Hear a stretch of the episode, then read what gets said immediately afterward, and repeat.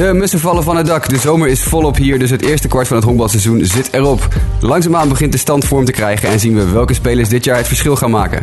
Mijn naam is Jasper Roos en vandaag kijk ik met Lionel Stuten Hoi. en Mike van Dijk Hoi. naar de week die was in Major League Baseball.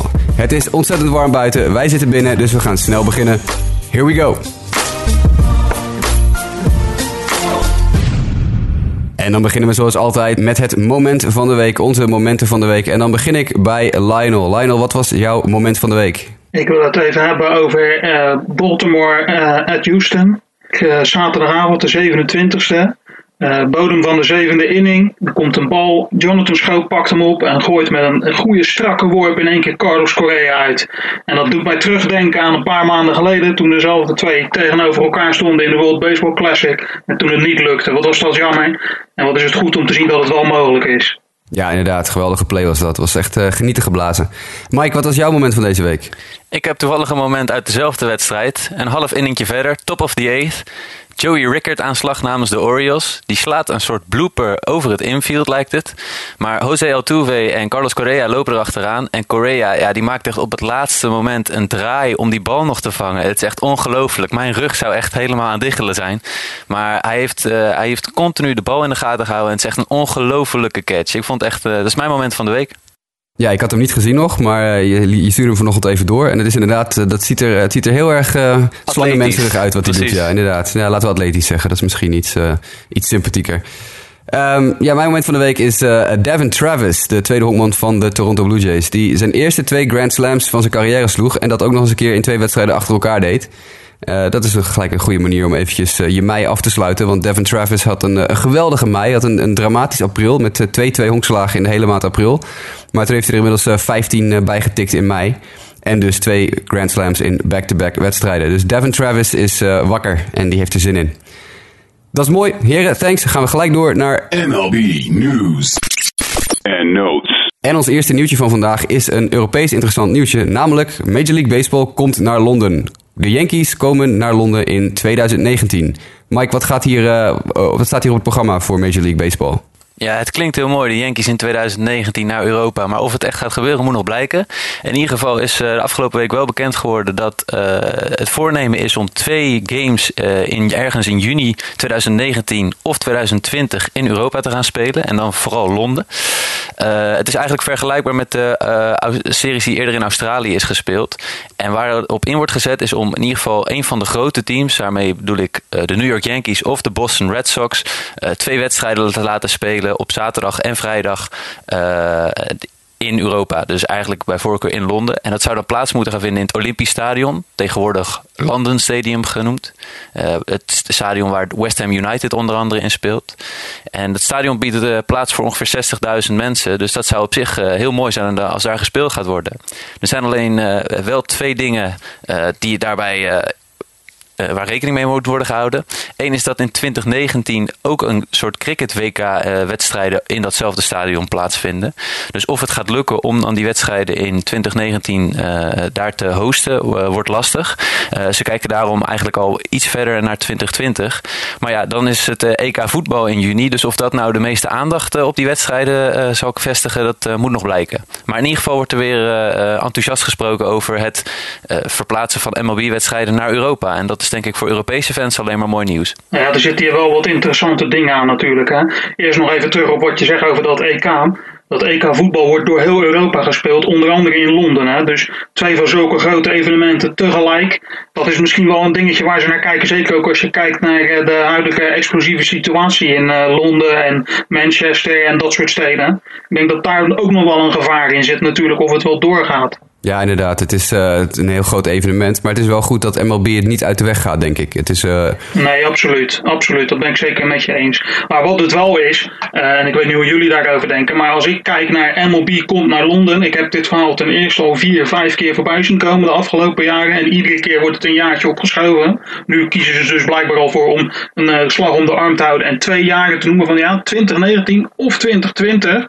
Maar uh, daarnaast ook uh, de locatie. Londen is natuurlijk een mooie grote stad in Europa, maar er wordt geen honkbal gespeeld. En gaan die honkbalfans uit Europa, die 60.000 die er wel zijn, gaan die allemaal naar Londen trekken? Ja, dat vraag ik me ook af. Je hebt natuurlijk uh, gezien wat er in Hoofddorp gebeurd is. Want we zetten een supermooi stadion in Hoofddorp neer met het idee dat MLB ooit naar, naar Nederland komt. Lekker centraal, honkballand in Europa. En dat is ook nooit echt uit de verf gekomen. Dus wat dat betreft is Londen misschien niet de allerbeste tweede keus. Ja. ik, ik wil pas geloven op het moment dat het daadwerkelijk gebeurt. Zoals je zelf aangeeft, er wordt al jaren over gesproken. Uh, voor verschillende locaties en dergelijke. En ja, zolang het nog niet echt daadwerkelijk concreet vaststaat dat er twee van die teams naar Europa komen, wil ik het eigenlijk ook nog niet echt geloven. Maar uh, ja, ik, ik, denk wel qua capaciteit, daar zal uh, vooral naar gekeken worden dat, ja, dat Londen misschien dan dus net wat meer mogelijkheden biedt dan bijvoorbeeld een hoofddorp. Ja, als grote stad zeker natuurlijk. Maar ja, eerst zien dan geloven. Hè. ook wat betreft eerst zien dan geloven. Maar ja, we zien het heel vaak en geloven het dan eigenlijk niet zo heel hard. Uh, we moeten het even hebben over Joey Votto, heren. Uh, Lionel zal daar uh, om staan te springen, want die kan altijd even over, over Joey Votto oreren. Maar Joey Votto die doet niet meer aan strikeouts. Nee, Joey Votto is inderdaad gestopt met strikeouts, dat zeg je goed.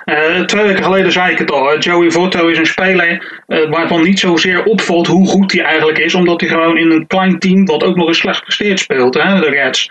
Hoe erg ik het ook vind om dat te moeten zeggen. Maar als je kijkt naar wat voor cijfers Joey Votto overlegt, op allerlei fronten, dan is het gewoon echt een superster. En ook in dit geval, als je kijkt naar zijn, zijn strikeout percentage. Als je kijkt naar de 38 spelers met tenminste 10 home runs, dan is zijn strikeout percentage 11,8. En dat is gewoon extreem laag. Uh, ik weet niet of je het een beetje in historisch perspectief kan zetten, Jasper. Uh, iemand als Tony Gwynn bijvoorbeeld. Die haalde 5%, meen ik. Ja, zoiets ja. De Tony Gwynn is natuurlijk, staat algemeen bekend als de persoon die nooit strikeouts om zijn oren kreeg. Ik, echt, als je die statistieken op Baseball Reference terugkijkt, dat is echt ongelooflijk hoe weinig strikeouts die kreeg. Alleen er is één groot verschil tussen Joey Votto en Tony Gwynn. En dat was dat Tony Gwynn een, slap hitter was, die voornamelijk singles en zo nu en dan een keer een tweehonkslag sloeg. En Votto die heeft natuurlijk nog een behoorlijke hoeveelheid power. Uh, als je kijkt naar zijn strikeout percentage, hè, spelers met tenminste 10 home runs. Nou, Tony Gwynn is bijna nooit in de double-digit home runs uh, gekomen. Uh, dus hoewel Tony Gwynn natuurlijk op met ja, 4,7% strikeout percentage nog lager zit dan Joey Votto, doet Joey Votto dat terwijl hij ook nog zijn power behoudt. En dat is nog veel knapper eigenlijk. Ja, nee, dat, ja, dat is het precies wat ik natuurlijk twee weken geleden al probeerde aan te halen. Je, je, je, je kijkt snel over zo'n speler heen, maar het is gewoon echt gewoon een, een ster is het gewoon. En ook als je kijkt naar hoe lang hij dit al volhoudt. En hij lijkt alleen maar beter te worden ook. Dat is het opvallende hieraan. Ja, het zou zonde zijn uh, als Cincinnati hem kwijtraakt. Maar aan de andere kant gun je Joey Votto ook een keer een periode bij een team dat wel ergens uh, naartoe gaat. Ja, absoluut, absoluut. Zo aan het einde van zijn carrière. Hij heeft zoveel voor de Reds betekend. Iedereen zou hem graag willen houden. Maar ik denk dat heel veel Reds-fans wel gewoon kunnen accepteren dat hij ooit nog eens een grote stap maakt als aan, aan het slot van zijn carrière. Om in een team wat echt voor de World Series speelt mee te kunnen uh, spelen. Ja, en hij kan natuurlijk, hij is vrij fit over het algemeen geweest. Hij heeft nooit echt hele lange, langdurige blessures gehad. Hij heeft wat, wat, mentale problemen gehad aan het begin van zijn carrière. Maar fysiek is hij altijd eigenlijk redelijk fit gebleven. Dus dat zou ook betekenen dat hij wat langer door kan nog in zijn carrière. En als bijvoorbeeld uh, ja, DH in de American League nog een, een paar jaar mee kan. Uh, en dan zijn er vast wel teams die hem kunnen gebruiken, die wat, uh, wat power nodig hebben. Ik noem Boston Red Sox op dit moment. die zouden best wel een, een, een, nieuwe lefty masher kunnen hebben. En Votto past daar prima in, lijkt mij. Dat, dat lijkt mij ook, ja. Ik denk dat wat je nu zegt, dat dat precies is datgene wat voor hem mooi zou uitkomen. Zo'n soort team, echt een team wat speelt om, om, om wat die toch aspiraties heeft. En dat hij daar dan in zo'n rol bij kan aansluiten, zou hij perfect voor zijn, absoluut. Ja. Nou, het is hem van harte gegund hoor, want ik vind het over het algemeen een hele sympathieke gast.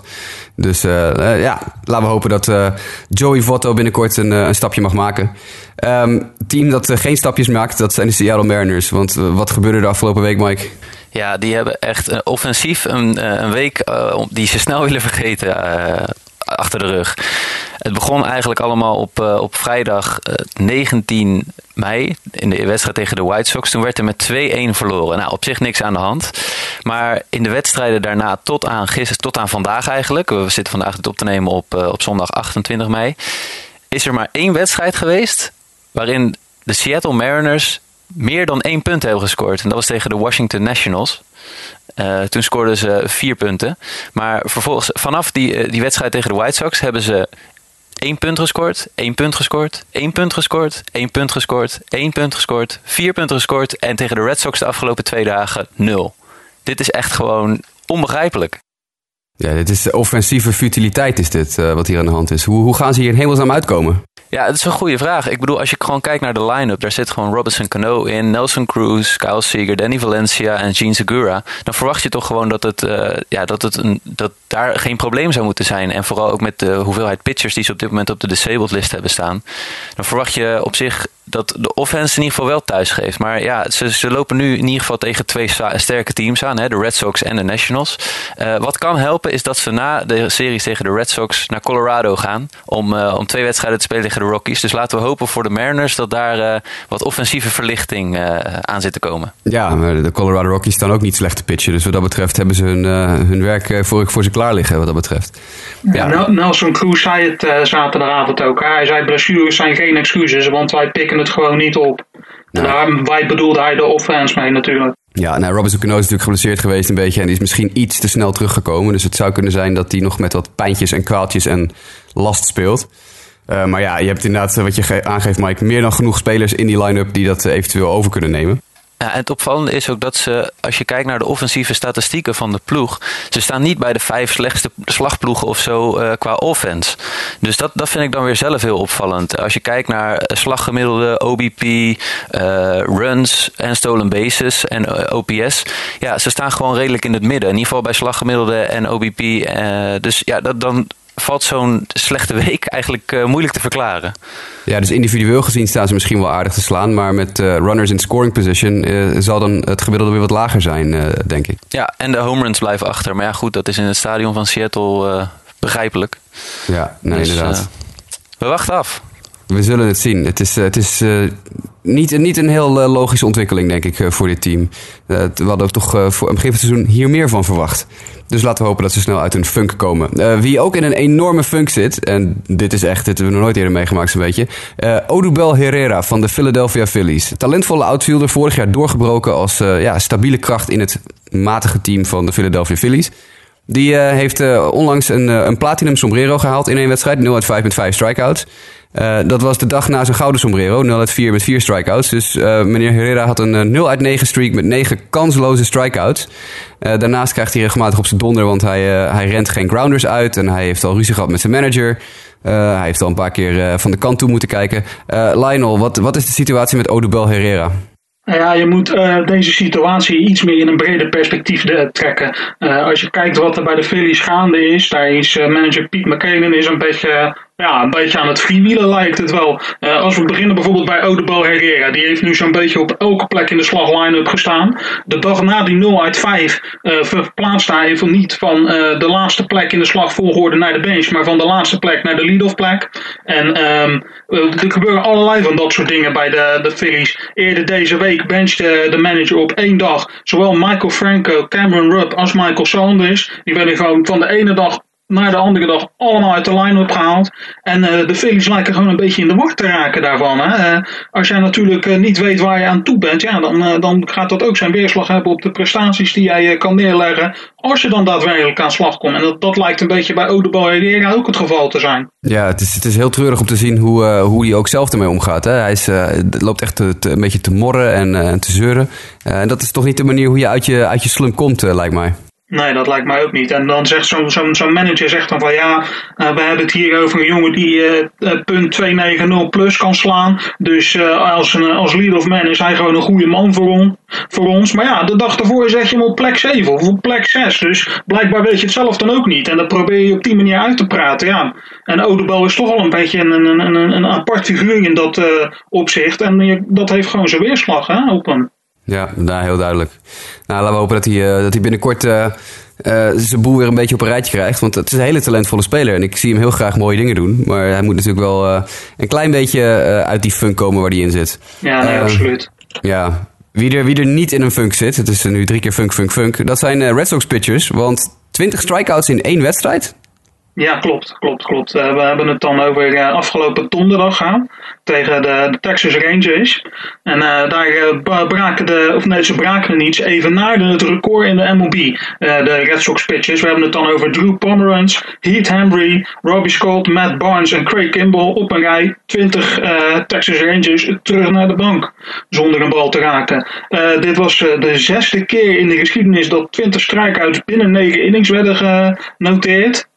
En uh, ja, opvallend hè? Opvallend. Als jij kan zeggen van uh, er zijn zes teams in de geschiedenis die die 20 strikeouts hebben geraakt. Waarom lukt het dan niet om die 21ste of uh, hebben gegooid? Waarom lukt het dan niet om die 21ste te gooien? Nee, inderdaad. Ze blijven altijd hangen op, de, op hetzelfde, getal. in, in diezelfde reeks, hè, die, die, de Red Sox werpers. je noemt Craig Kimbrell even, die, die het, de 20 strikeouts afmaakte. hebben jullie gezien hoe Craig Kimbrell op dit moment staat te gooien? Het is echt ongelooflijk. Hij heeft, uh, hij heeft 72 slagmensen tegen zich gehad dit seizoen. Daarvan heeft hij er 40 met een strikeout naar de kant gestuurd. En heeft slechts zes honkslagen opgegeven. En heeft twee keer vier wijd gegooid. Het is ongelooflijk. 72 slagmensen. Hij heeft een whip van 0,39 en een slaggemiddelde tegen van 0,87 op dit moment. Het is echt ongelooflijk. Het is een historische uh, streak waar hij op is.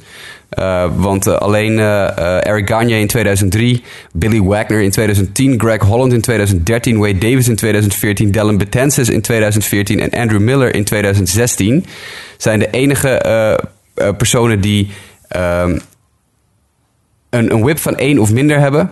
Een strikeout ratio van minstens 13 per 9 innings. Met minimaal 50 innings. En een ERA van 1,50 1,50 of minder.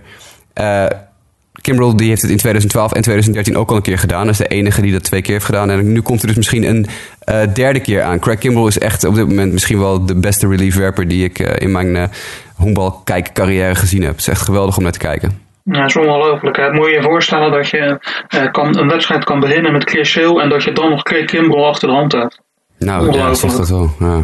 ja, inderdaad. Ja, want Chris uh, die pakken we dan gelijk bij. Die staat eigenlijk iets verder op het lijstje. Uh, zijn 10 strikeout streak is, is voorbij, hè Mike? Dat klopt. Het is een ongelofelijke reeks geweest van alle starts die Chris Sale tot nu toe gemaakt heeft. Er zijn er slechts twee geweest waarbij hij minder dan 10 strikeouts had.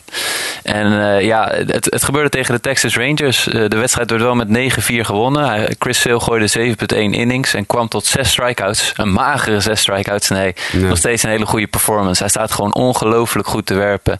En als je dan gewoon even kijkt naar het aantal wedstrijden. Ja, acht wedstrijden geloof ik met minimaal 10 strikeouts achtereenvolgens. Het is echt ongelooflijk. Ja, het zou leuk zijn geweest als hij het record ook daadwerkelijk verbroken had. Maar goed, geëvenaard is ook mooi. Ja. Daar, uh, daar doen we niet moeilijk over. Uh, nou ja, Mike, als ik je nu toch gelijk heb. Uh, jij zei van de week dat onze, onze lifeline, MLB at Bat... de app voor op je telefoon en tablet en dat soort dingen meer... met een grote update gaat komen per 1 juni. Wat, wat kunnen we verwachten bij de nieuwe update van MLB at Bat? Ja, dat klopt. Het gaat natuurlijk over inderdaad de succesvolle AdBet app. Ik denk dat iedere honkballiefhebber ongeveer wel vertrouwt op die app en uh, hem op zijn telefoon of uh, tablet of wat dan ook heeft staan. Uh, er zijn een paar screenshots gereleased en er is nieuws gekomen dat ze binnenkort beschikbaar komen op Google's Daydream Virtual Reality platform. en ze lieten met die screenshots zien hoe dat eruit komt te zien. En vanaf 1 juni is dat dus beschikbaar. ja, je, je staat eigenlijk als het ware, als je niet ervoor kiest om fullscreen te kijken, sta je op een soort, voor een soort thuisplaat. En dan zie je dus ook uh, precies de, de heatmap van, je, van de slagman. En uh, rondom je heen ja, zweven eigenlijk allerlei schermen. Uh, van boxscores, van nog meer data en, en verschillende wedstrijden die je op kan zetten. Dus echt, het ziet er heel gaaf uit. En ja, ja, dat is wel heel leuk om, om te zien. Ik denk zelf dat ik er nog niet zo heel snel gebruik van zou maken. Maar het is wel voor, voor het, past in ieder geval in de ontwikkeling die de technologie steeds meer opgaat om dit soort features ook aan te bieden. Dus ja, dat zit eraan te komen volgende week. Virtual reality honkbal. Ja, ik, ik weet niet. Ik, uh, Lionel, zou jij uh, heel snel uh, staan te springen om lekker te gaan virtual reality met de Cincinnati Reds? Nou, niet in, in deze vorm. En zowel de vorm van de Reds als de vorm van virtual reality heb ik het dan over. Nee, maar over, als je het over virtual reality hebt, dan heb je het natuurlijk momenteel nog over zo'n soort duikbril die je over je hoofd moet zetten. Hè, waarbij je je afsluit van de rest van de wereld en dan een, een, een schermpje vlak voor je gezicht krijgt. Ik, dat, dat is nog niet echt mijn ding. Maar als er ooit een moment komt waar we waarop we virtual reality wat meer, hè, meer laten we zeggen, augmented reality, waarbij je zeg maar in de omgeving komt te staan zonder dat je dat soort soort dingen hoeft, uh, op je hoofd hoeft te zetten. Dat lijkt me wel wat. Maar uh, in de huidige situatie, uh, kijk, als jij nou, stel nou dat wij met z'n drie op de bank een wedstrijd willen gaan kijken, straks met de World Series, en we gaan alle drie met die duikbril op zitten, dan kunnen we net zo goed alle drie thuis blijven, lijkt me. Ja. Nee, dat is absoluut waar. Ja. Dat is veel, minder, veel minder sociale ervaring wordt dat dan. Ja. Klopt, ja. Nou ja, dat is een beetje wat ik er op dit moment nog op tegen heb. Maar ik ben niet zozeer tegen virtual reality als geheel, maar wel in de vorm waarin het nu is. Nee, we zullen kijken. Ja, ik gebruik de app, precies. En ik gebruik de app en, uh, en uh, de wedstrijden. Ik kijk ook gewoon puur omdat ik de, die schermen wil zien.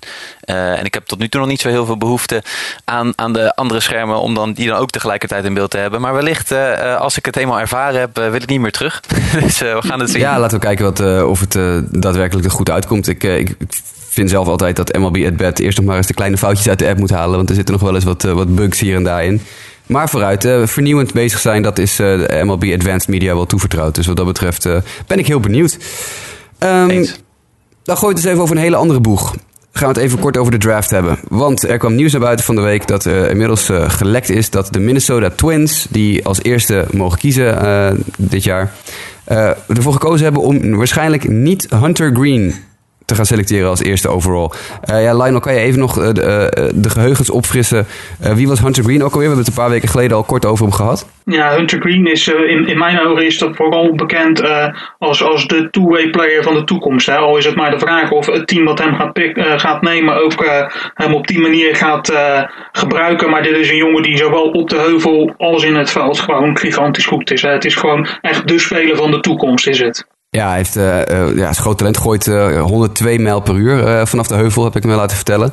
Ja, klopt, klopt. Voor een highschooler is dat natuurlijk ja, ongelooflijk. ja, hij heeft ook een, slag, een slaggemiddelde van geloof ik 3,50.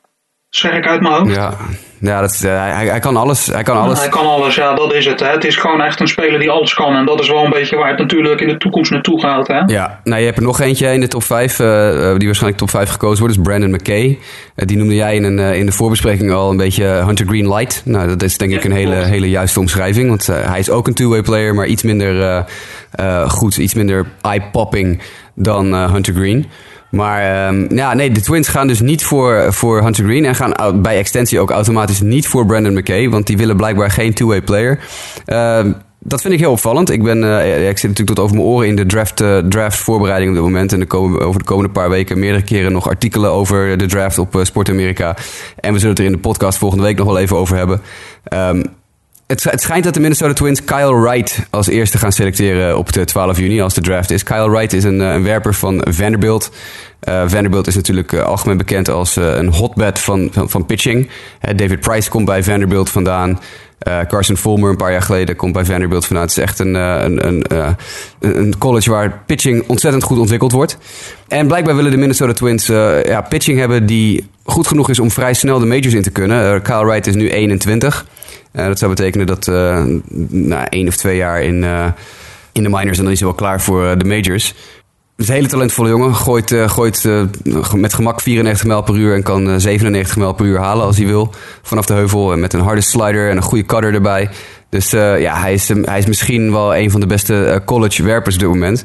Maar ja, Hunter Green heeft al zoveel pers gekregen. We hebben hem gezien op de voorpagina van Sports Illustrated al een paar weken geleden.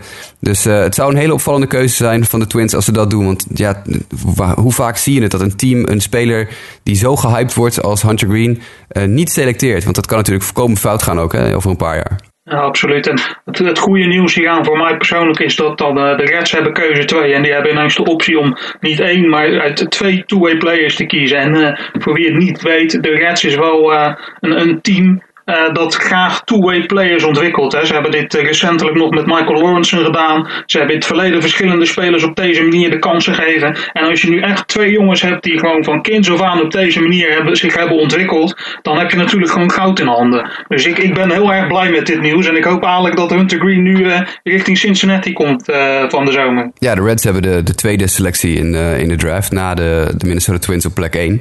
Dus die zouden wel eens een mazzel hebben dat ze inderdaad kunnen kiezen uit, nou bijvoorbeeld of Hunter Green of Brandon McKay. Uh, of uh, lefty-werper Mackenzie Gore. Uh, bijvoorbeeld, dat is ook een, uh, hardgooiende lefty high school werper. Of misschien wel korte stop outfielder Royce Lewis. Dat is ook wel een aardig talent.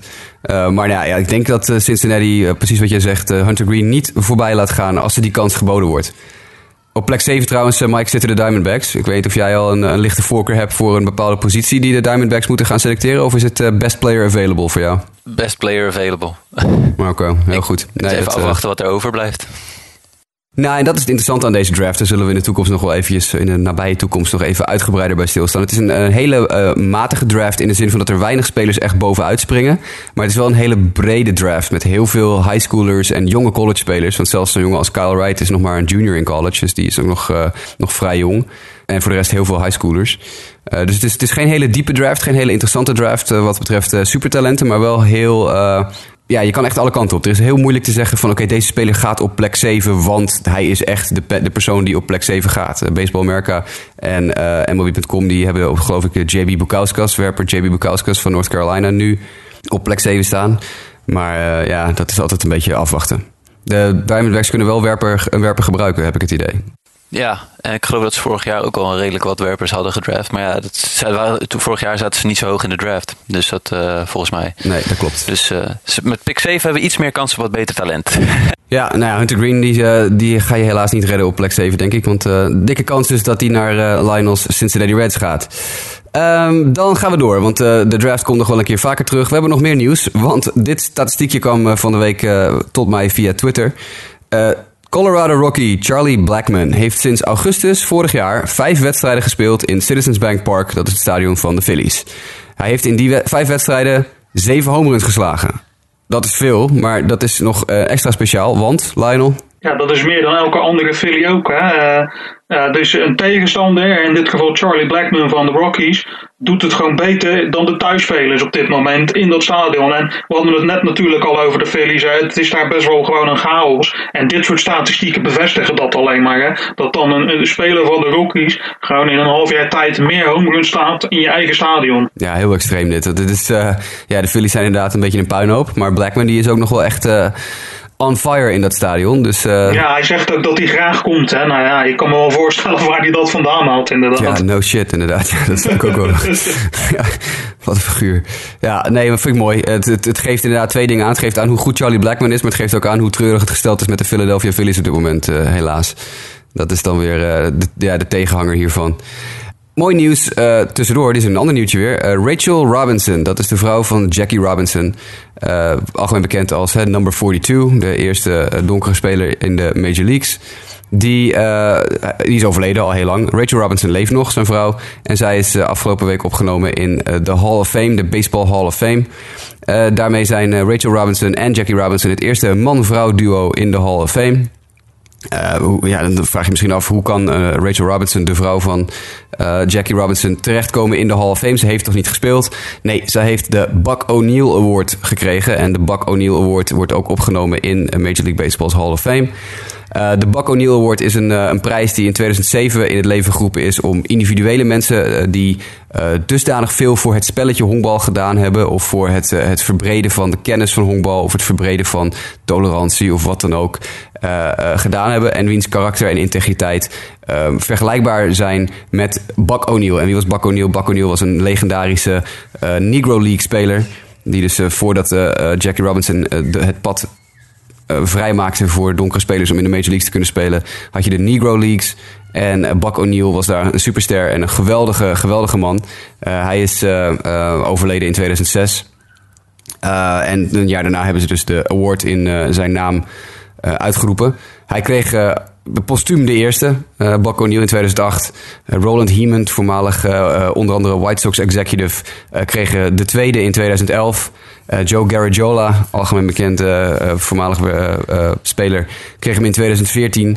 En drie jaar later is het de beurt aan mevrouw Robinson, Rachel Robinson. En dat vind ik ja, een heel nette eh, move van Major League Baseball. Want Rachel Robinson heeft ontzettend veel gedaan voor de Jackie Robinson Foundation en voor eh, het, het gelijker trekken van eh, de sport.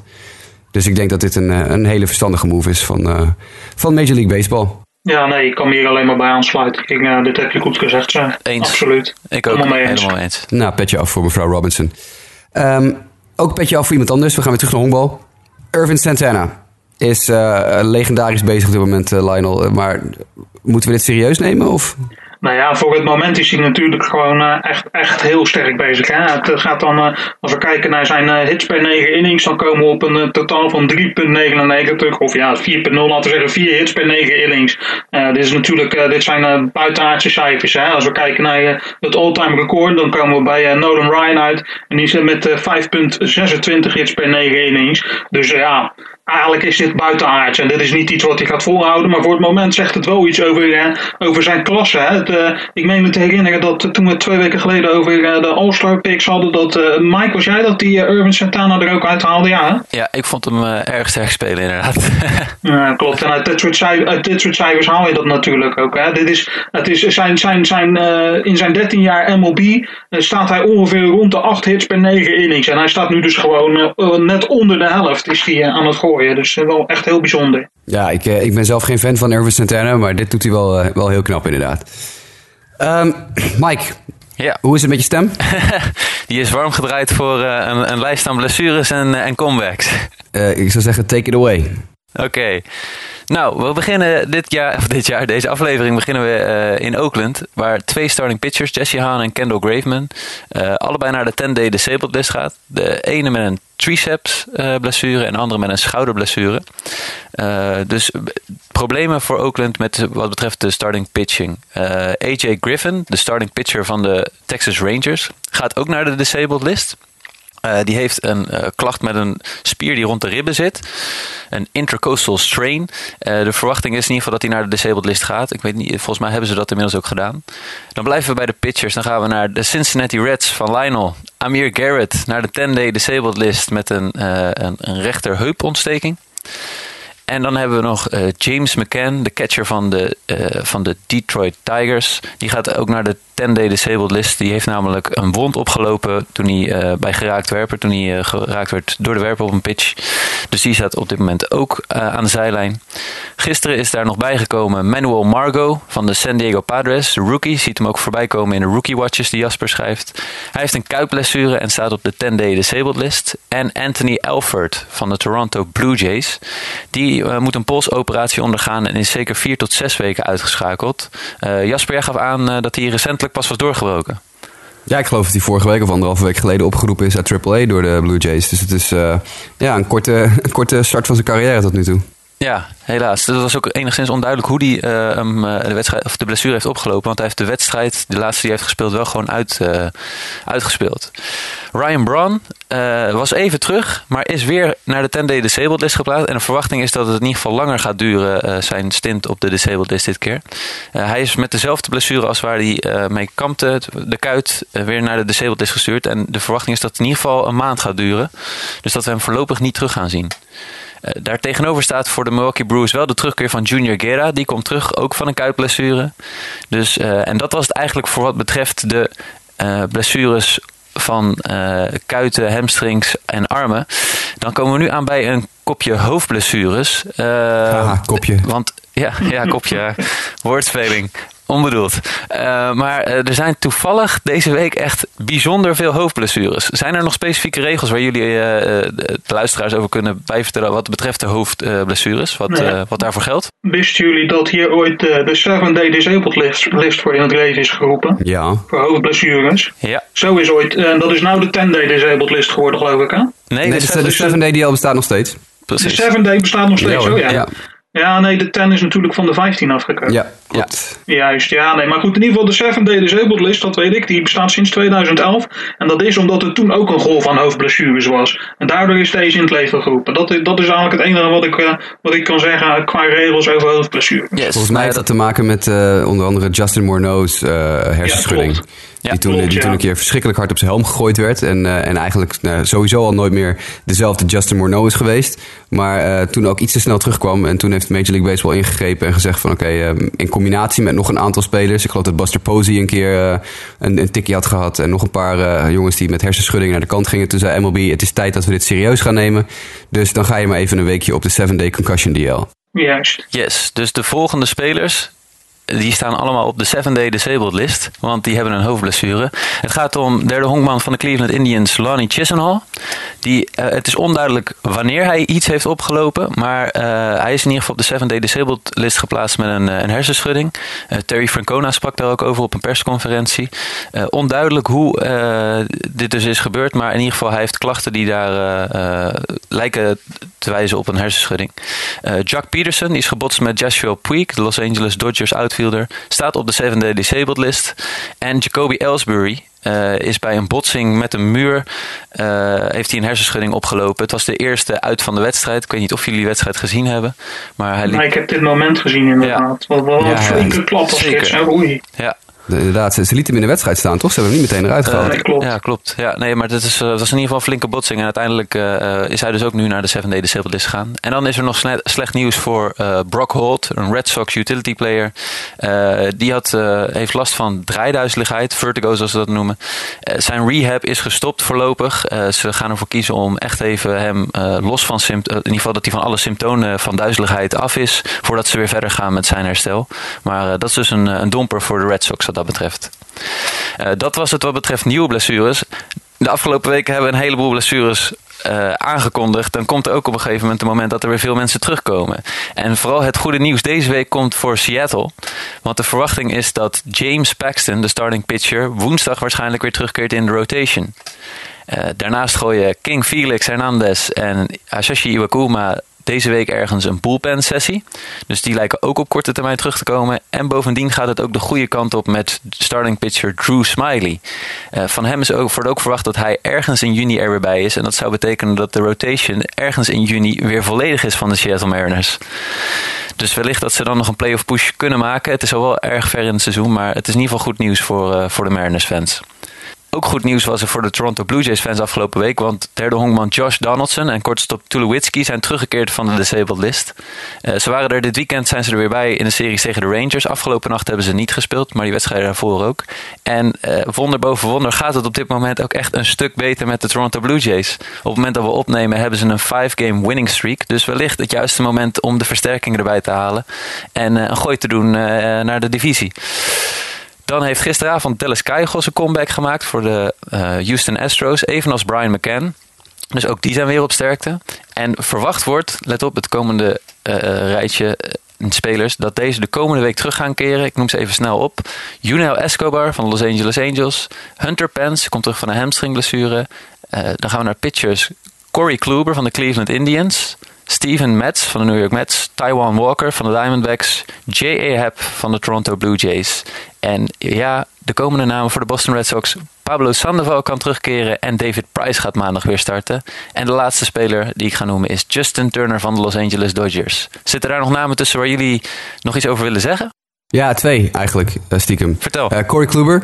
Uh, Kluber komt inderdaad terug voor de Indians, maar niet zozeer over hem. Maar het gerucht gaat nu dat de Indians van plan zijn om Danny Salazar uit de rotation te halen. Op het moment dat Corey Kluber terugkomt en Salazar in de bullpen te plaatsen. Salazar heeft natuurlijk is, ja, potentieel een geweldige werper, heeft veel strikeout potentie. Uh, maar heeft ook wat moeite met zijn controle de laatste uh, anderhalve maand. Uh, dus ik, als ze dat doen, dan gaan ze dat waarschijnlijk doen net zoals van de categorie Trevor Bauer vorig jaar of Zach McAllister een paar jaar geleden. Een startende werper die wel de staf heeft om in de bullpen succesvol te zijn, maar niet langer dan twee, drie innings zijn controle kan houden. of ze gaan hem even in de bullpen plaatsen, Salazar, om te kijken of ze hem ja, op de rails kunnen krijgen. En uh, de tweede speler die ik even nog kort aan wil halen is uh, Steven Matz van de New York Mets. Want je zegt inderdaad, die komt terug. Um, maar ja, ik, ik, moet eigenlijk, ik ben aan mijn stand verplicht om heel hard te roepen, uh, die gaat het seizoen niet afmaken. Want ik heb een sterk vermoeden dat Steven Matz op dit moment iets te vroeg terugkomt. En dat zou betekenen dat hij er wel op een gegeven moment weer uitvliegt. We gaan ik zou zeggen, pas maar op Steven, want als Jasper het zegt, dan, dan is je einde nabij, is wel gebleken. Ja, ik hoop het niet, want ik, ik vind Mets een hele leuke werper. Maar de manier hoe de, hoe de Mets nu weer met Mets omgaan, uh, is niet, uh, uh, dat stemt mij niet heel gelukkig. Dus we houden die speler in de gaten. Ja, laten we dat Wellicht doen. dat hij volgende week weer terugkeert in deze aflevering. Oh, laten we hopen van niet. Nou ja, goed. Uh, hoe dan ook, Mike, dank voor je, je medische blok. Uh, we zijn weer helemaal bij als het op uh, DL-stints en andere blessures aankomt. Dan gaan we naar ons, ons hoofdblokje. Want we hebben interessante informatie. Vorige week hadden we het over pace of play. en 538, een van onze favoriete websites, eh, Nate Silver en 538, hebben een interessant onderzoek gedaan naar de pace of play situatie.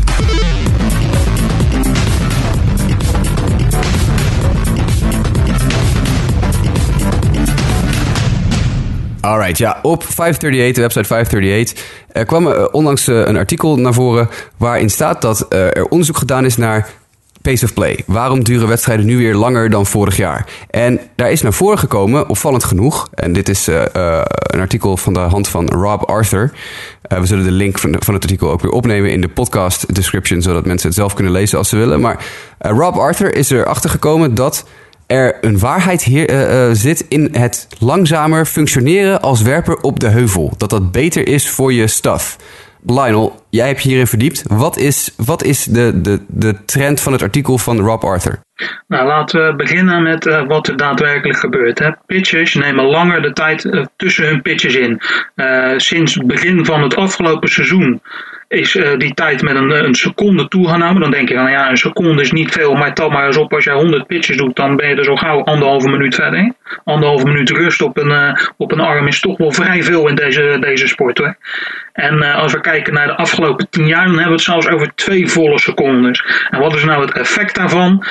Um, als jij iets langer wacht als pitcher, dan heb jij iets meer kracht op je fastball. En dan ja, gooi je het dus harder. Daar komt het op neer uiteindelijk. Je, als jij iets meer rust gunt aan je arm, gooi je harder. En uh, ja, dat effect is heel duidelijk merkbaar. Uh, zijn ze bij 538 achtergekomen. En dit heeft dus gewoon ook uh, veel gevolgen voor het spel in allerlei opzichten. wat dat betreft. Er zijn natuurlijk teams die daar zich in verdiepen. je hebt van die sabermetrically advanced teams, noemen ze dat. Um, ik geloof dat Rob Arthur de Tampa Bay Rays aanhaalt hè, als voorbeeld. Ja, ja inderdaad. Hij uh, heeft het dan over de, de, de Tampa Bay Rays. Uh, waarvan ook bekend is dat zij zich heel erg in dit soort dingen verdiepen. En zij pitchen 5% langzamer dan, dan het gemiddelde. En zij hebben daar gewoon veel profijt van. Hè?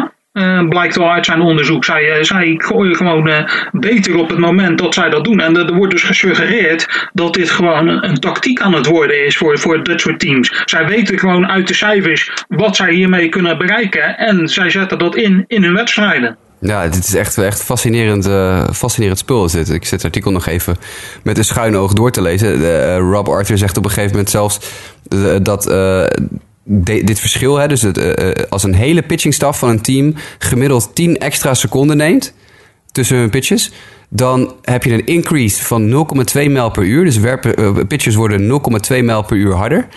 Dat zou ongeveer 10 runs saved per seizoen opleveren. En 10 runs saved per seizoen, dat is, dat is het verschil tussen uh, uh, nou ja, uh, 10 runs per win hè, wordt er over het algemeen in, in, in Sabermetrics genomen. Het aantal runs dat je extra scoort of, of weet te voorkomen, dat levert je één win per 10 runs op. Dus het zou betekenen dat iedere werper neemt 10 extra seconden. Daarmee win je op een heel seizoen één extra wedstrijd. En dat is ongeveer een, een speler van 7 miljoen dollar. Want je moet het sommetje rekenen dat spelers gemiddeld per win één uh, per één win 7 miljoen dollar waard zijn, werpers. Dus dit zou voor een werper zou dit gewoon kunnen betekenen... als hij iets langzamer gooit, kan hij uh, 7 tot misschien wel 14 miljoen dollar extra verdienen over zijn carrière. Er komen allerlei andere dingen komen er ook bij kijken. Wat ook opvallend is, vond ik, en dat heeft dan niet zozeer met de pitches te maken... maar dat hitters die wat ouder zijn, hè, slagmensen die wat, wat meer ervaring in de league hebben... ook gewoon voordeel hiervan kunnen hebben. Want die zijn dan weer iets beter in staat om zich te blijven concentreren op die langere tijd. Ook wel opvallend, ja. uh, opvallend uh, statistiekje vond ik dat. Ja, het is, het is een heel fascinerend uh, artikel. Ik, ik, raad echt iedereen aan om het eventjes rustig door te lezen. Want ja, dit is echt een, een, een fraai stukje analyse wat 538 hier loslaat. Op iets waar we eigenlijk nooit zo diep over nagedacht hadden. Want ik weet niet, Mike, of jij je nou echt gerealiseerd hebt dat het feit dat die wedstrijden langzamer zijn, dat dat komt door iets wat werpers bewust aan het doen zijn. Dat heb ik me nooit gerealiseerd. Ik had het uh, verband ook neergelegd. En ik vind op zich goed dat iets als uh, dat 538 dit ja, blootlegt. En in die zin ook gelijk vraagt aan organisaties van joh, is dit wat jullie doen? Want het geeft ook veel meer context aan de discussie die we vorige week ook hebben gehad over die pace of play. Uh, en, en dat team zoals de Tampa Bay Race dit doen, dat verbaast me eigenlijk ook niet zoveel. En dat ze het niet willen bekennen, ja, dat uh, kan ik ook heel goed begrijpen. Want ik denk dat er heel veel van die analytics aspecten zijn uh, die wij als fan gewoon niet meekrijgen of die, die ze vooral voor zichzelf houden. Om daar dus ook inderdaad gewoon een voordeel uit te behalen in het seizoen. en ja, aanhakend op wat jij net aangeeft van die, van die hitters. Ik kan me nog wel Nomar Garcia Parra herinneren.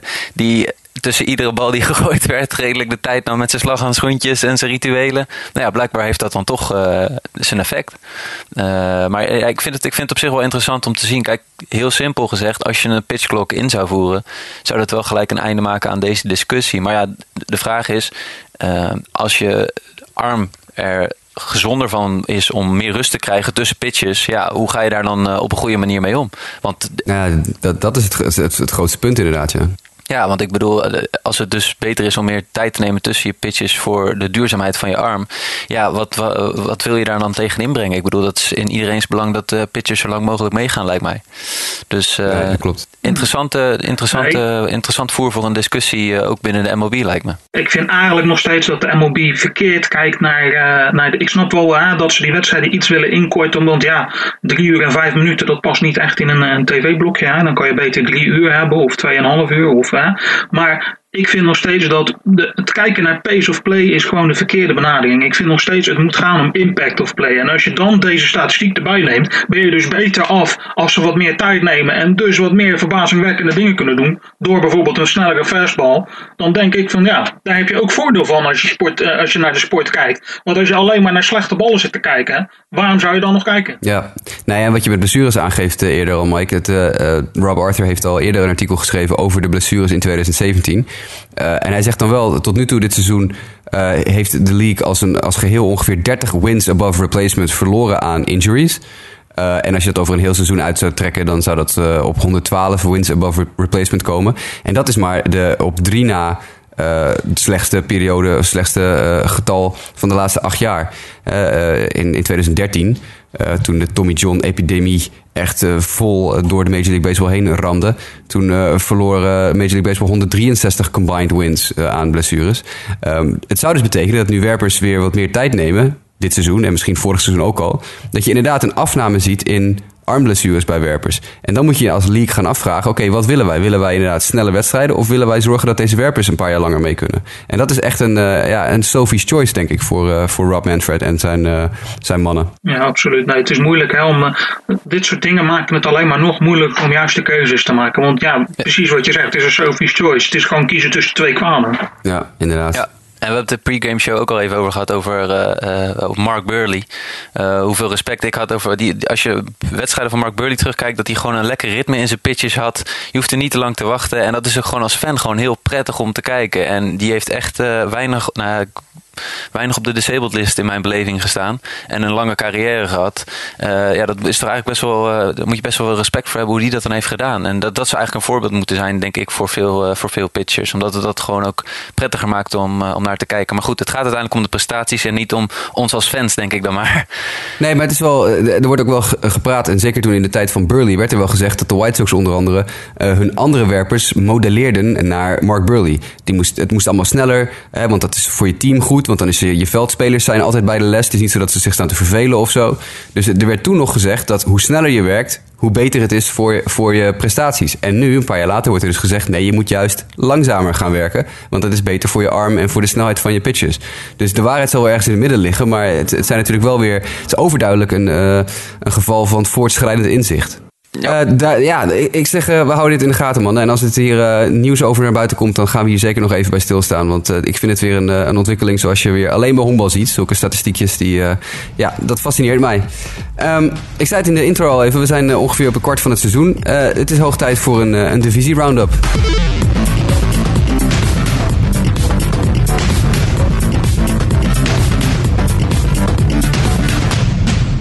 Ja, wat is de situatie in de divisies na een kwart van het seizoen? Uh, welke teams staan bovenaan, welke teams staan onderaan? Wat verwachten wij voor uh, in ieder geval het volgende kwart van het seizoen of misschien wel de rest van het seizoen? Laten we beginnen in de American League West. En Lionel, die ga ik aan jou geven. Wat is de situatie op dit moment in de American League West? Laten we van onder naar boven gaan. Hè. Dan zien we onderaan zien we de Seattle Mariners. We hebben ze net al even besproken. Het gaat daar niet goed. Hè. Vooraf, eh, ook in, eh, in onze podcast hebben we gezegd van... nou, het zou wel eens kunnen dat ze dit jaar de play-off droogte gaan doorbreken. Maar nee hoor, het, uh, vooralsnog lijkt het nergens op. En opvallend is dat zij thuis nog in eigen stadion nog best wel aardig doen. Met een 13 en 9 record. Maar op, als ze op pad gaan, dan is het, is het echt niks. En de laatste weken is het... de laatste 10 hebben ze er 7 van verloren. Dit, ik denk niet dat dit nog te redden is. Nou, daarboven heb je een beetje de usual suspects. Oakland uh, staat op de vierde plek, Texas staat drie. En uh, de Angels doen het dan nog wel iets beter dan misschien dan verwacht met een, een, een tweede plek. Maar die staan precies op punt 500. En het grote team hier is natuurlijk de Houston Astros. Hè, die onklopbaar lijken. Dus, een, een winstpercentage van punt 680.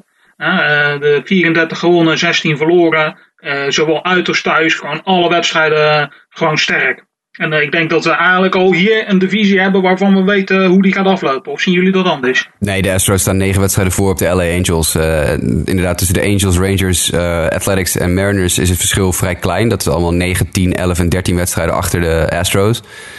De Angels en Rangers staan anderhalf en tweeënhalf wedstrijden achter in de wildcard. Dus die zouden in theorie nog wel een, een kans kunnen maken op een wildcard plek. Maar ja, Houston gaat weglopen met deze divisie. Ja. Het enige wat het nog spannend kan maken is het verschil tussen pre- en post-All-Star Game. En dan zou Houston dus echt post-All-Star Game heel erg uh, een stap terug moeten doen in de prestaties. Maar ik zie dat eigenlijk niet gebeuren. Nee, ik ook niet. Nee. Dat, team, dat team is gewoon te goed, de Houston Astros. Uh, alleen de pitching, die moet fit blijven. Uh, ze, moeten, ze moeten Dallas Keuchel niet nog een keer kwijtraken. En, en het zou fijn zijn als Joe Musgrove en Lance McCullers ook een beetje de boel op de rails krijgen. Maar nee, dat team is gewoon heel goed. En het is opvallend dat AJ Hinch, de manager van de Houston Astros, die bij jouw Diamondbacks niet heel erg veel presteerde, het met dit team wel beduidend beter doet, Mike. Ja, ik heb daar nog wel een keertje een, een, interessant artikel over gelezen. Ik heb warme herinneringen aan de periode van AJ Hinch.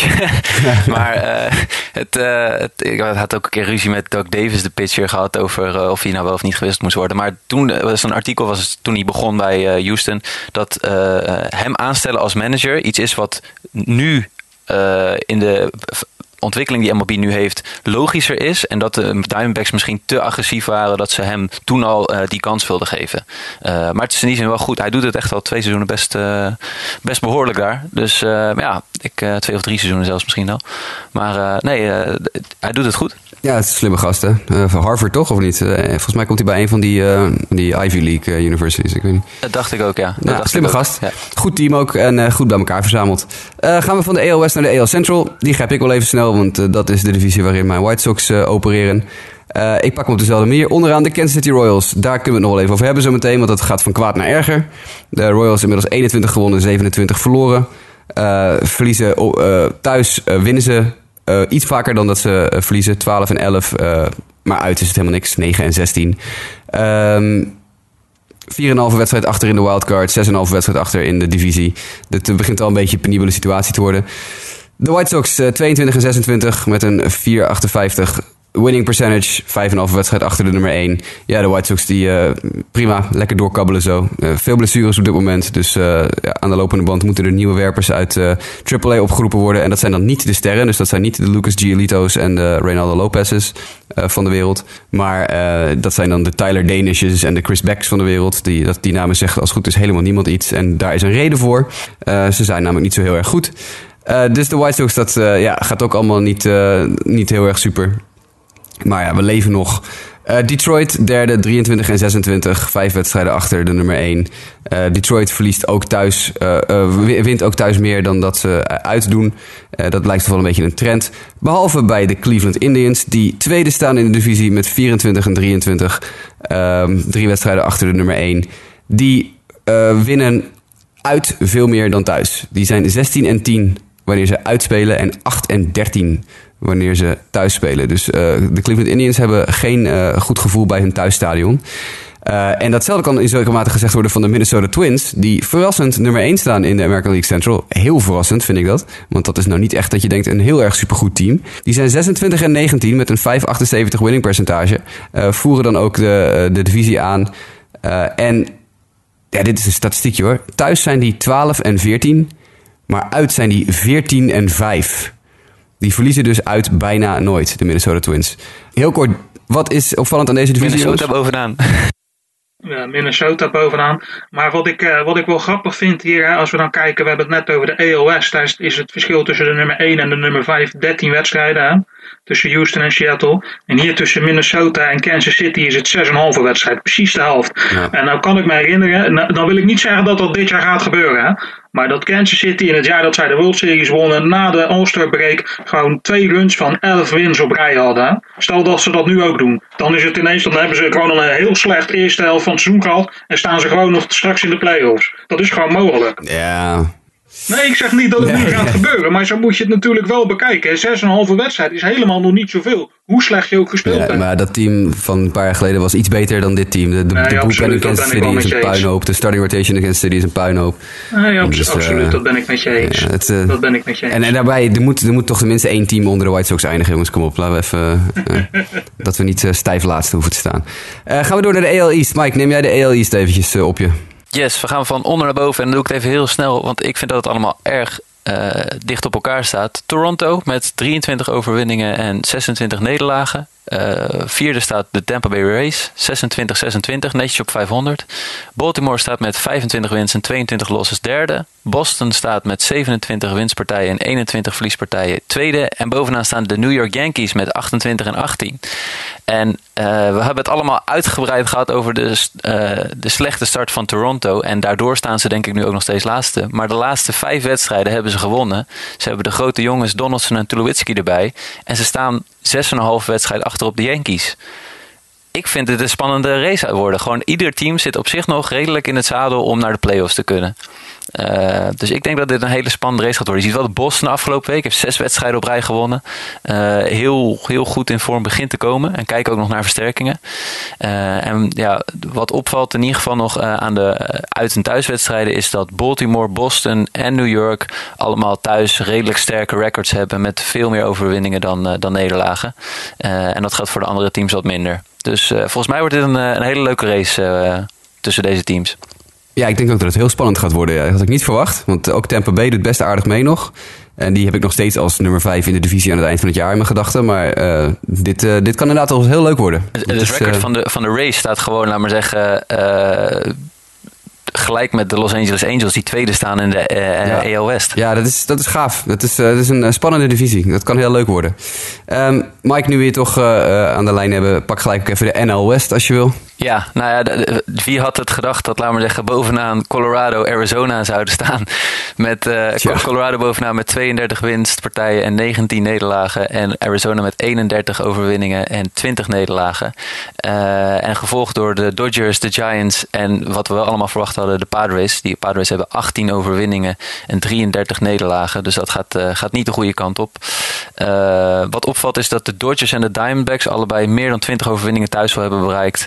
Uh, en andere teams die spelen wat evenwichtiger thuis. dus ja, dat, dit wordt ook denk ik ook een spannende race. En vooral de vraag hoe lang kunnen Colorado en Arizona dit vol blijven houden. Ja, we hadden Colorado allemaal aan het begin van het seizoen wel een beetje ingeschat als een, een team dat wel eens leuke dingen kan gaan doen.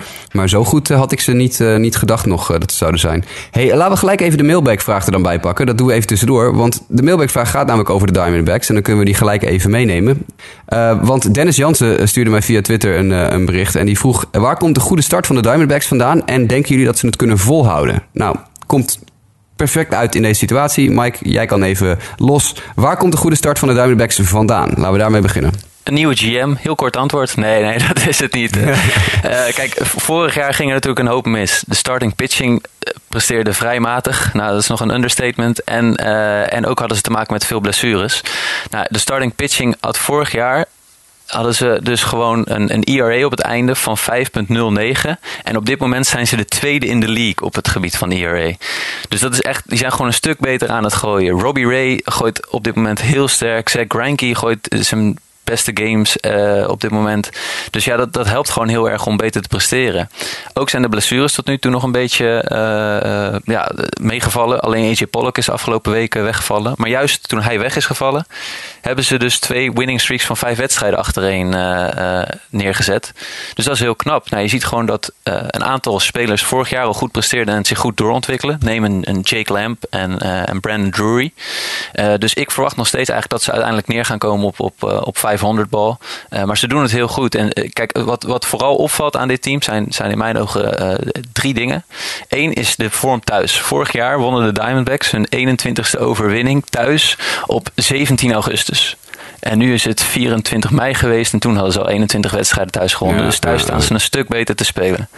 Het andere wat heel erg opvalt is dat uh, uh, Mike Hazen, de nieuwe GM, heeft een stuk meer analytics toegepast. Nou wil ik niet zeggen dat Tony La Russa dat totaal niet in zijn organisatie deed uh, voor die tijd.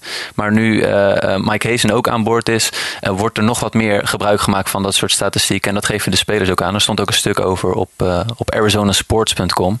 En je ziet gewoon wel dat de, de, catchers en ook andere spelers zoals Andrew Chafin, vorig jaar een ERA van 6,75 en nu een ERA van 1,8. Ja, dat, dat, gewoon een stuk beter uit de verf komen en hun voordeel daarmee doen. Uh, vorig jaar uh, gebruikten ze het ook al, maar denk ik niet zo door, ja, niet zo veel als dat het nu geval is. Dus ze spelen op dit moment gewoon goed. En, en de vraag is, kan de bullpen zo dominant blijven en blijven ze fit?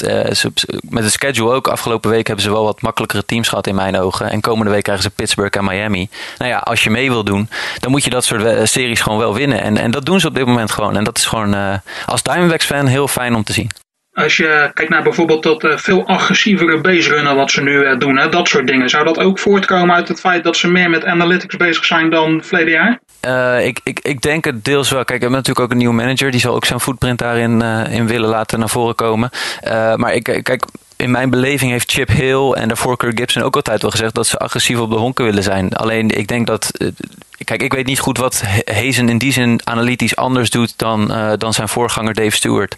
En, daarvoor Kevin Towers. Die waren toch allebei wat meer oldschool, uh, om maar zo te zeggen. Dus ik denk zeker dat, daar, dat ze daar op de een of andere manier hun voordeel mee weten te doen.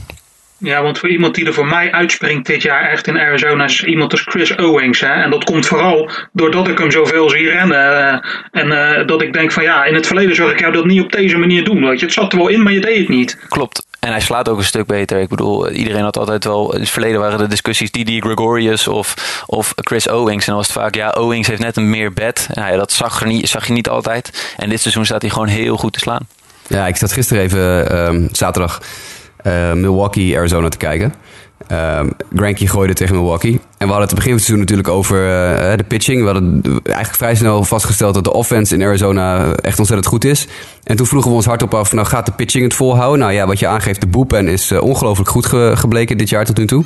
Uh, de starting pitching wordt ook steeds beter. Granky die vorige week uh, 12 White Sox met uh, drie slag naar de kant stuurt. Maar dan gisteren tegen de Milwaukee Brewers echt gewoon eigenlijk heel slecht staat te gooien. Ik heb zitten kijken. Hij gooit niet harder dan 91, 92 mijl per uur. Gooit bijna alleen maar sliders. Echt bijna alleen maar sliders. Ik zou voor de gein eventjes de pitching chart erbij moeten pakken nu. Maar ik zag op een gegeven moment in het bed gisteren met, uh, met de honken vol tegen Jet Bandy. Catcher Jet Bandy. En dat waren echt gewoon 7, 8, 9 sliders op rij. Uh, en uiteindelijk gooit hij dan een fastball. Ja, dat is dan een 91 mijl per uur fastball op de, ter hoogte van, van de, de, de belettering op het shirt van Bandy. En die legt hem even voor een, een basis clearing double tegen de muur aan. Want ja, als je alleen maar sliders ziet en er komt in één keer een batting practice fastball op je af, dan kan je natuurlijk niet heel effectief zijn. Dus ik vind nog steeds dat Granky heel wisselvallig is. Hoe, ik weet niet hoe jij daar tegenaan kijkt. Maar... Ja, nou ja, ik kijk dan ook meer naar het, het, het, het bredere plaatje van hoe breed is het als hij weg zou vallen. En, en überhaupt ook, ook, ook wat betreft veldspelers. En de Diamondbacks hebben gewoon in mijn ogen niet zo'n heel breed team. Dus op het moment dat ze meer met blessures te maken krijgen, op het moment dat iemand als Granky, ja, Granky zal niet uit de rotatie gaan, maar uh, noem maar andere spelers, minder gaan presteren. de bullpen, ze hebben niet zo heel veel daarachter zitten. voordelig is nu dat Zach Godley bijvoorbeeld in één keer uit de, ja, vorig jaar gooide hij ook al uh, redelijk. Uh, maar nu echt een paar goede starts achter elkaar zet. En uh, ja, ik, ik heb nog steeds ik denk dat Granky steeds meer aankomt op finesse dan op, uh, dan op zijn kracht en dergelijke. Uh, en hij zal denk ik af en toe een off-day hebben zoals gisteren. En dan kan het gewoon best wel lelijk zijn, om maar zo te zeggen. Ja, inderdaad. Dat uh, was gisteren het geval. Ik zit heel even snel te kijken of ik zijn, zijn pitch chart erbij kan pakken. Ik hoop nog steeds, laat ik zeggen, ik hoop nog steeds dat ze 500 bol halen hoor. Want eh, laten we wel wezen, vorig seizoen was gewoon dramatisch. Ja. En uh, of ze dat dit seizoen überhaupt uh, om kunnen draaien, dan zou dat al winst zijn voor de Diamondbacks. Ja, dat, dat denk ik ook, ja. De Dodgers staan hier gewoon met een, een punt 600 gemiddelde op de derde plek. Hè? En de Dodgers staan straks aan het eind van het seizoen nog op punt 600. Hè? Laten we dat wel even duidelijk hebben. Ja, en ik precies, weet niet of ze dan precies. nog steeds al op plek 3 staan. Hè? Of niet gewoon wat hoger. Nee, inderdaad, ja.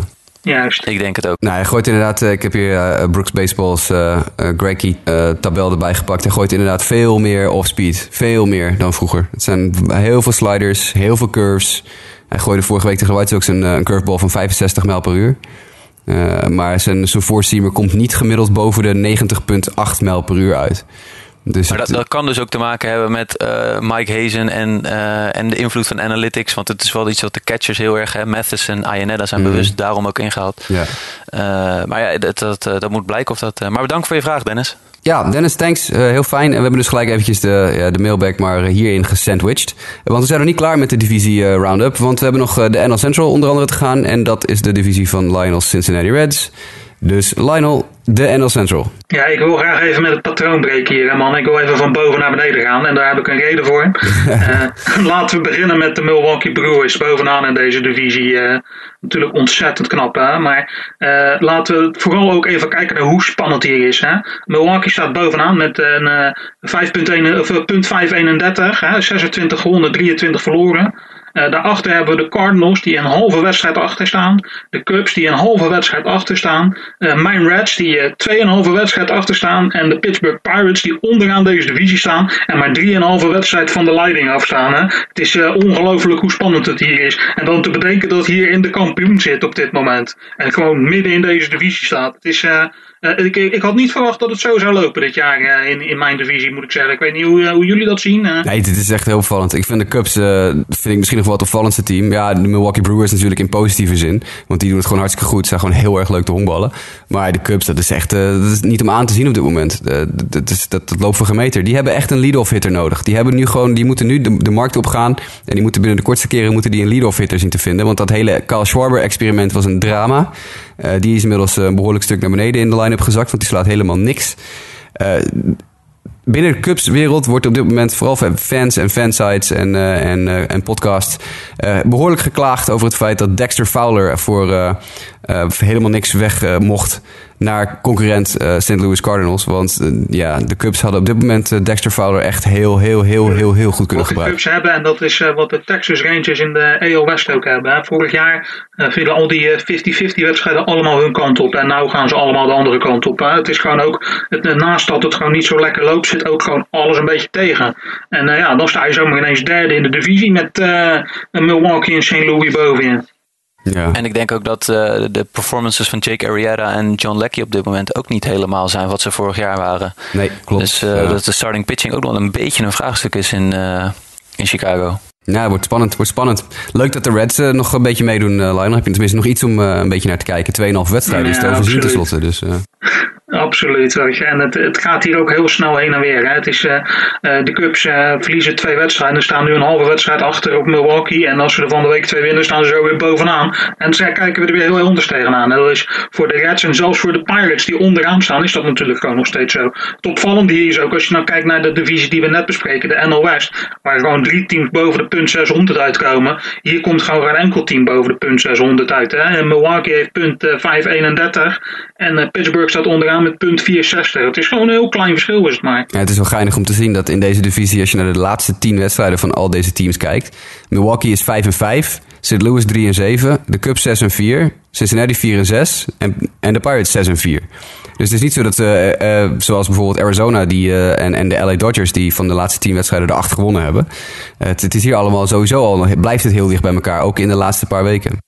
Nee, ja, leuke race. Ik vind het, eh, het, is gewoon, het maakt het heel leuk. En uh, kijk, eigenlijk zeggen deze standen dan in die zin pas wat op het moment dat we wat meer rond die All-Star Game gaan komen. Dat je echt uh, wat meer kan uitbepalen wie wel en wie niet het gaat volhouden. Maar ik, ik hoop dat het voor, vooral in Central zo blijft. Want het, ja, voor, voor, mijn gevoel, als ik de, de teams ook steeds zie, ligt het ook niet zo heel ver uit elkaar. Nee, absoluut. klopt. Dit kan nog wel eens heel spannend worden. Absoluut. En de, de, de winnaar uit deze divisie is wel degene die naar de. Doordat het zo spannend is, gaat er maar één team uit deze divisie naar de playoffs. Hè? Want uh, als je kijkt naar de, de wildcard, dan staan ze gewoon op best wel ver achter op bijvoorbeeld Arizona en de Dodgers die op dit moment die wildcard plek hebben. En dat komt omdat er gewoon ja, net zoveel gewonnen als verloren wordt, waardoor je niet zo hoog in, de, in, in, je, in je winstpercentage komt te zitten natuurlijk. Ja, nee, duidelijk. Ja. Gaan we naar de East, NL East. Want dat is uh, ja, hoe spannend de NL Central is, hoe verschrikkelijk saai de NL East is. Echt dodelijk saai. Uh, ik pak hem ook even van boven naar beneden. De Washington Nationals, 30 en 18. Wat een geweldig team is dat. Die, eh, ja, die gaan met gemak deze divisie winnen. Ehm, de Atlanta Braves, 8,5 wedstrijd, nu al achter op plek 2. Uh, dat is natuurlijk ja, een hopeloze missie, gaat dit worden op deze manier. En daar komt bij dat ik ook denk dat de Braves nog wel een stukje gaan zakken.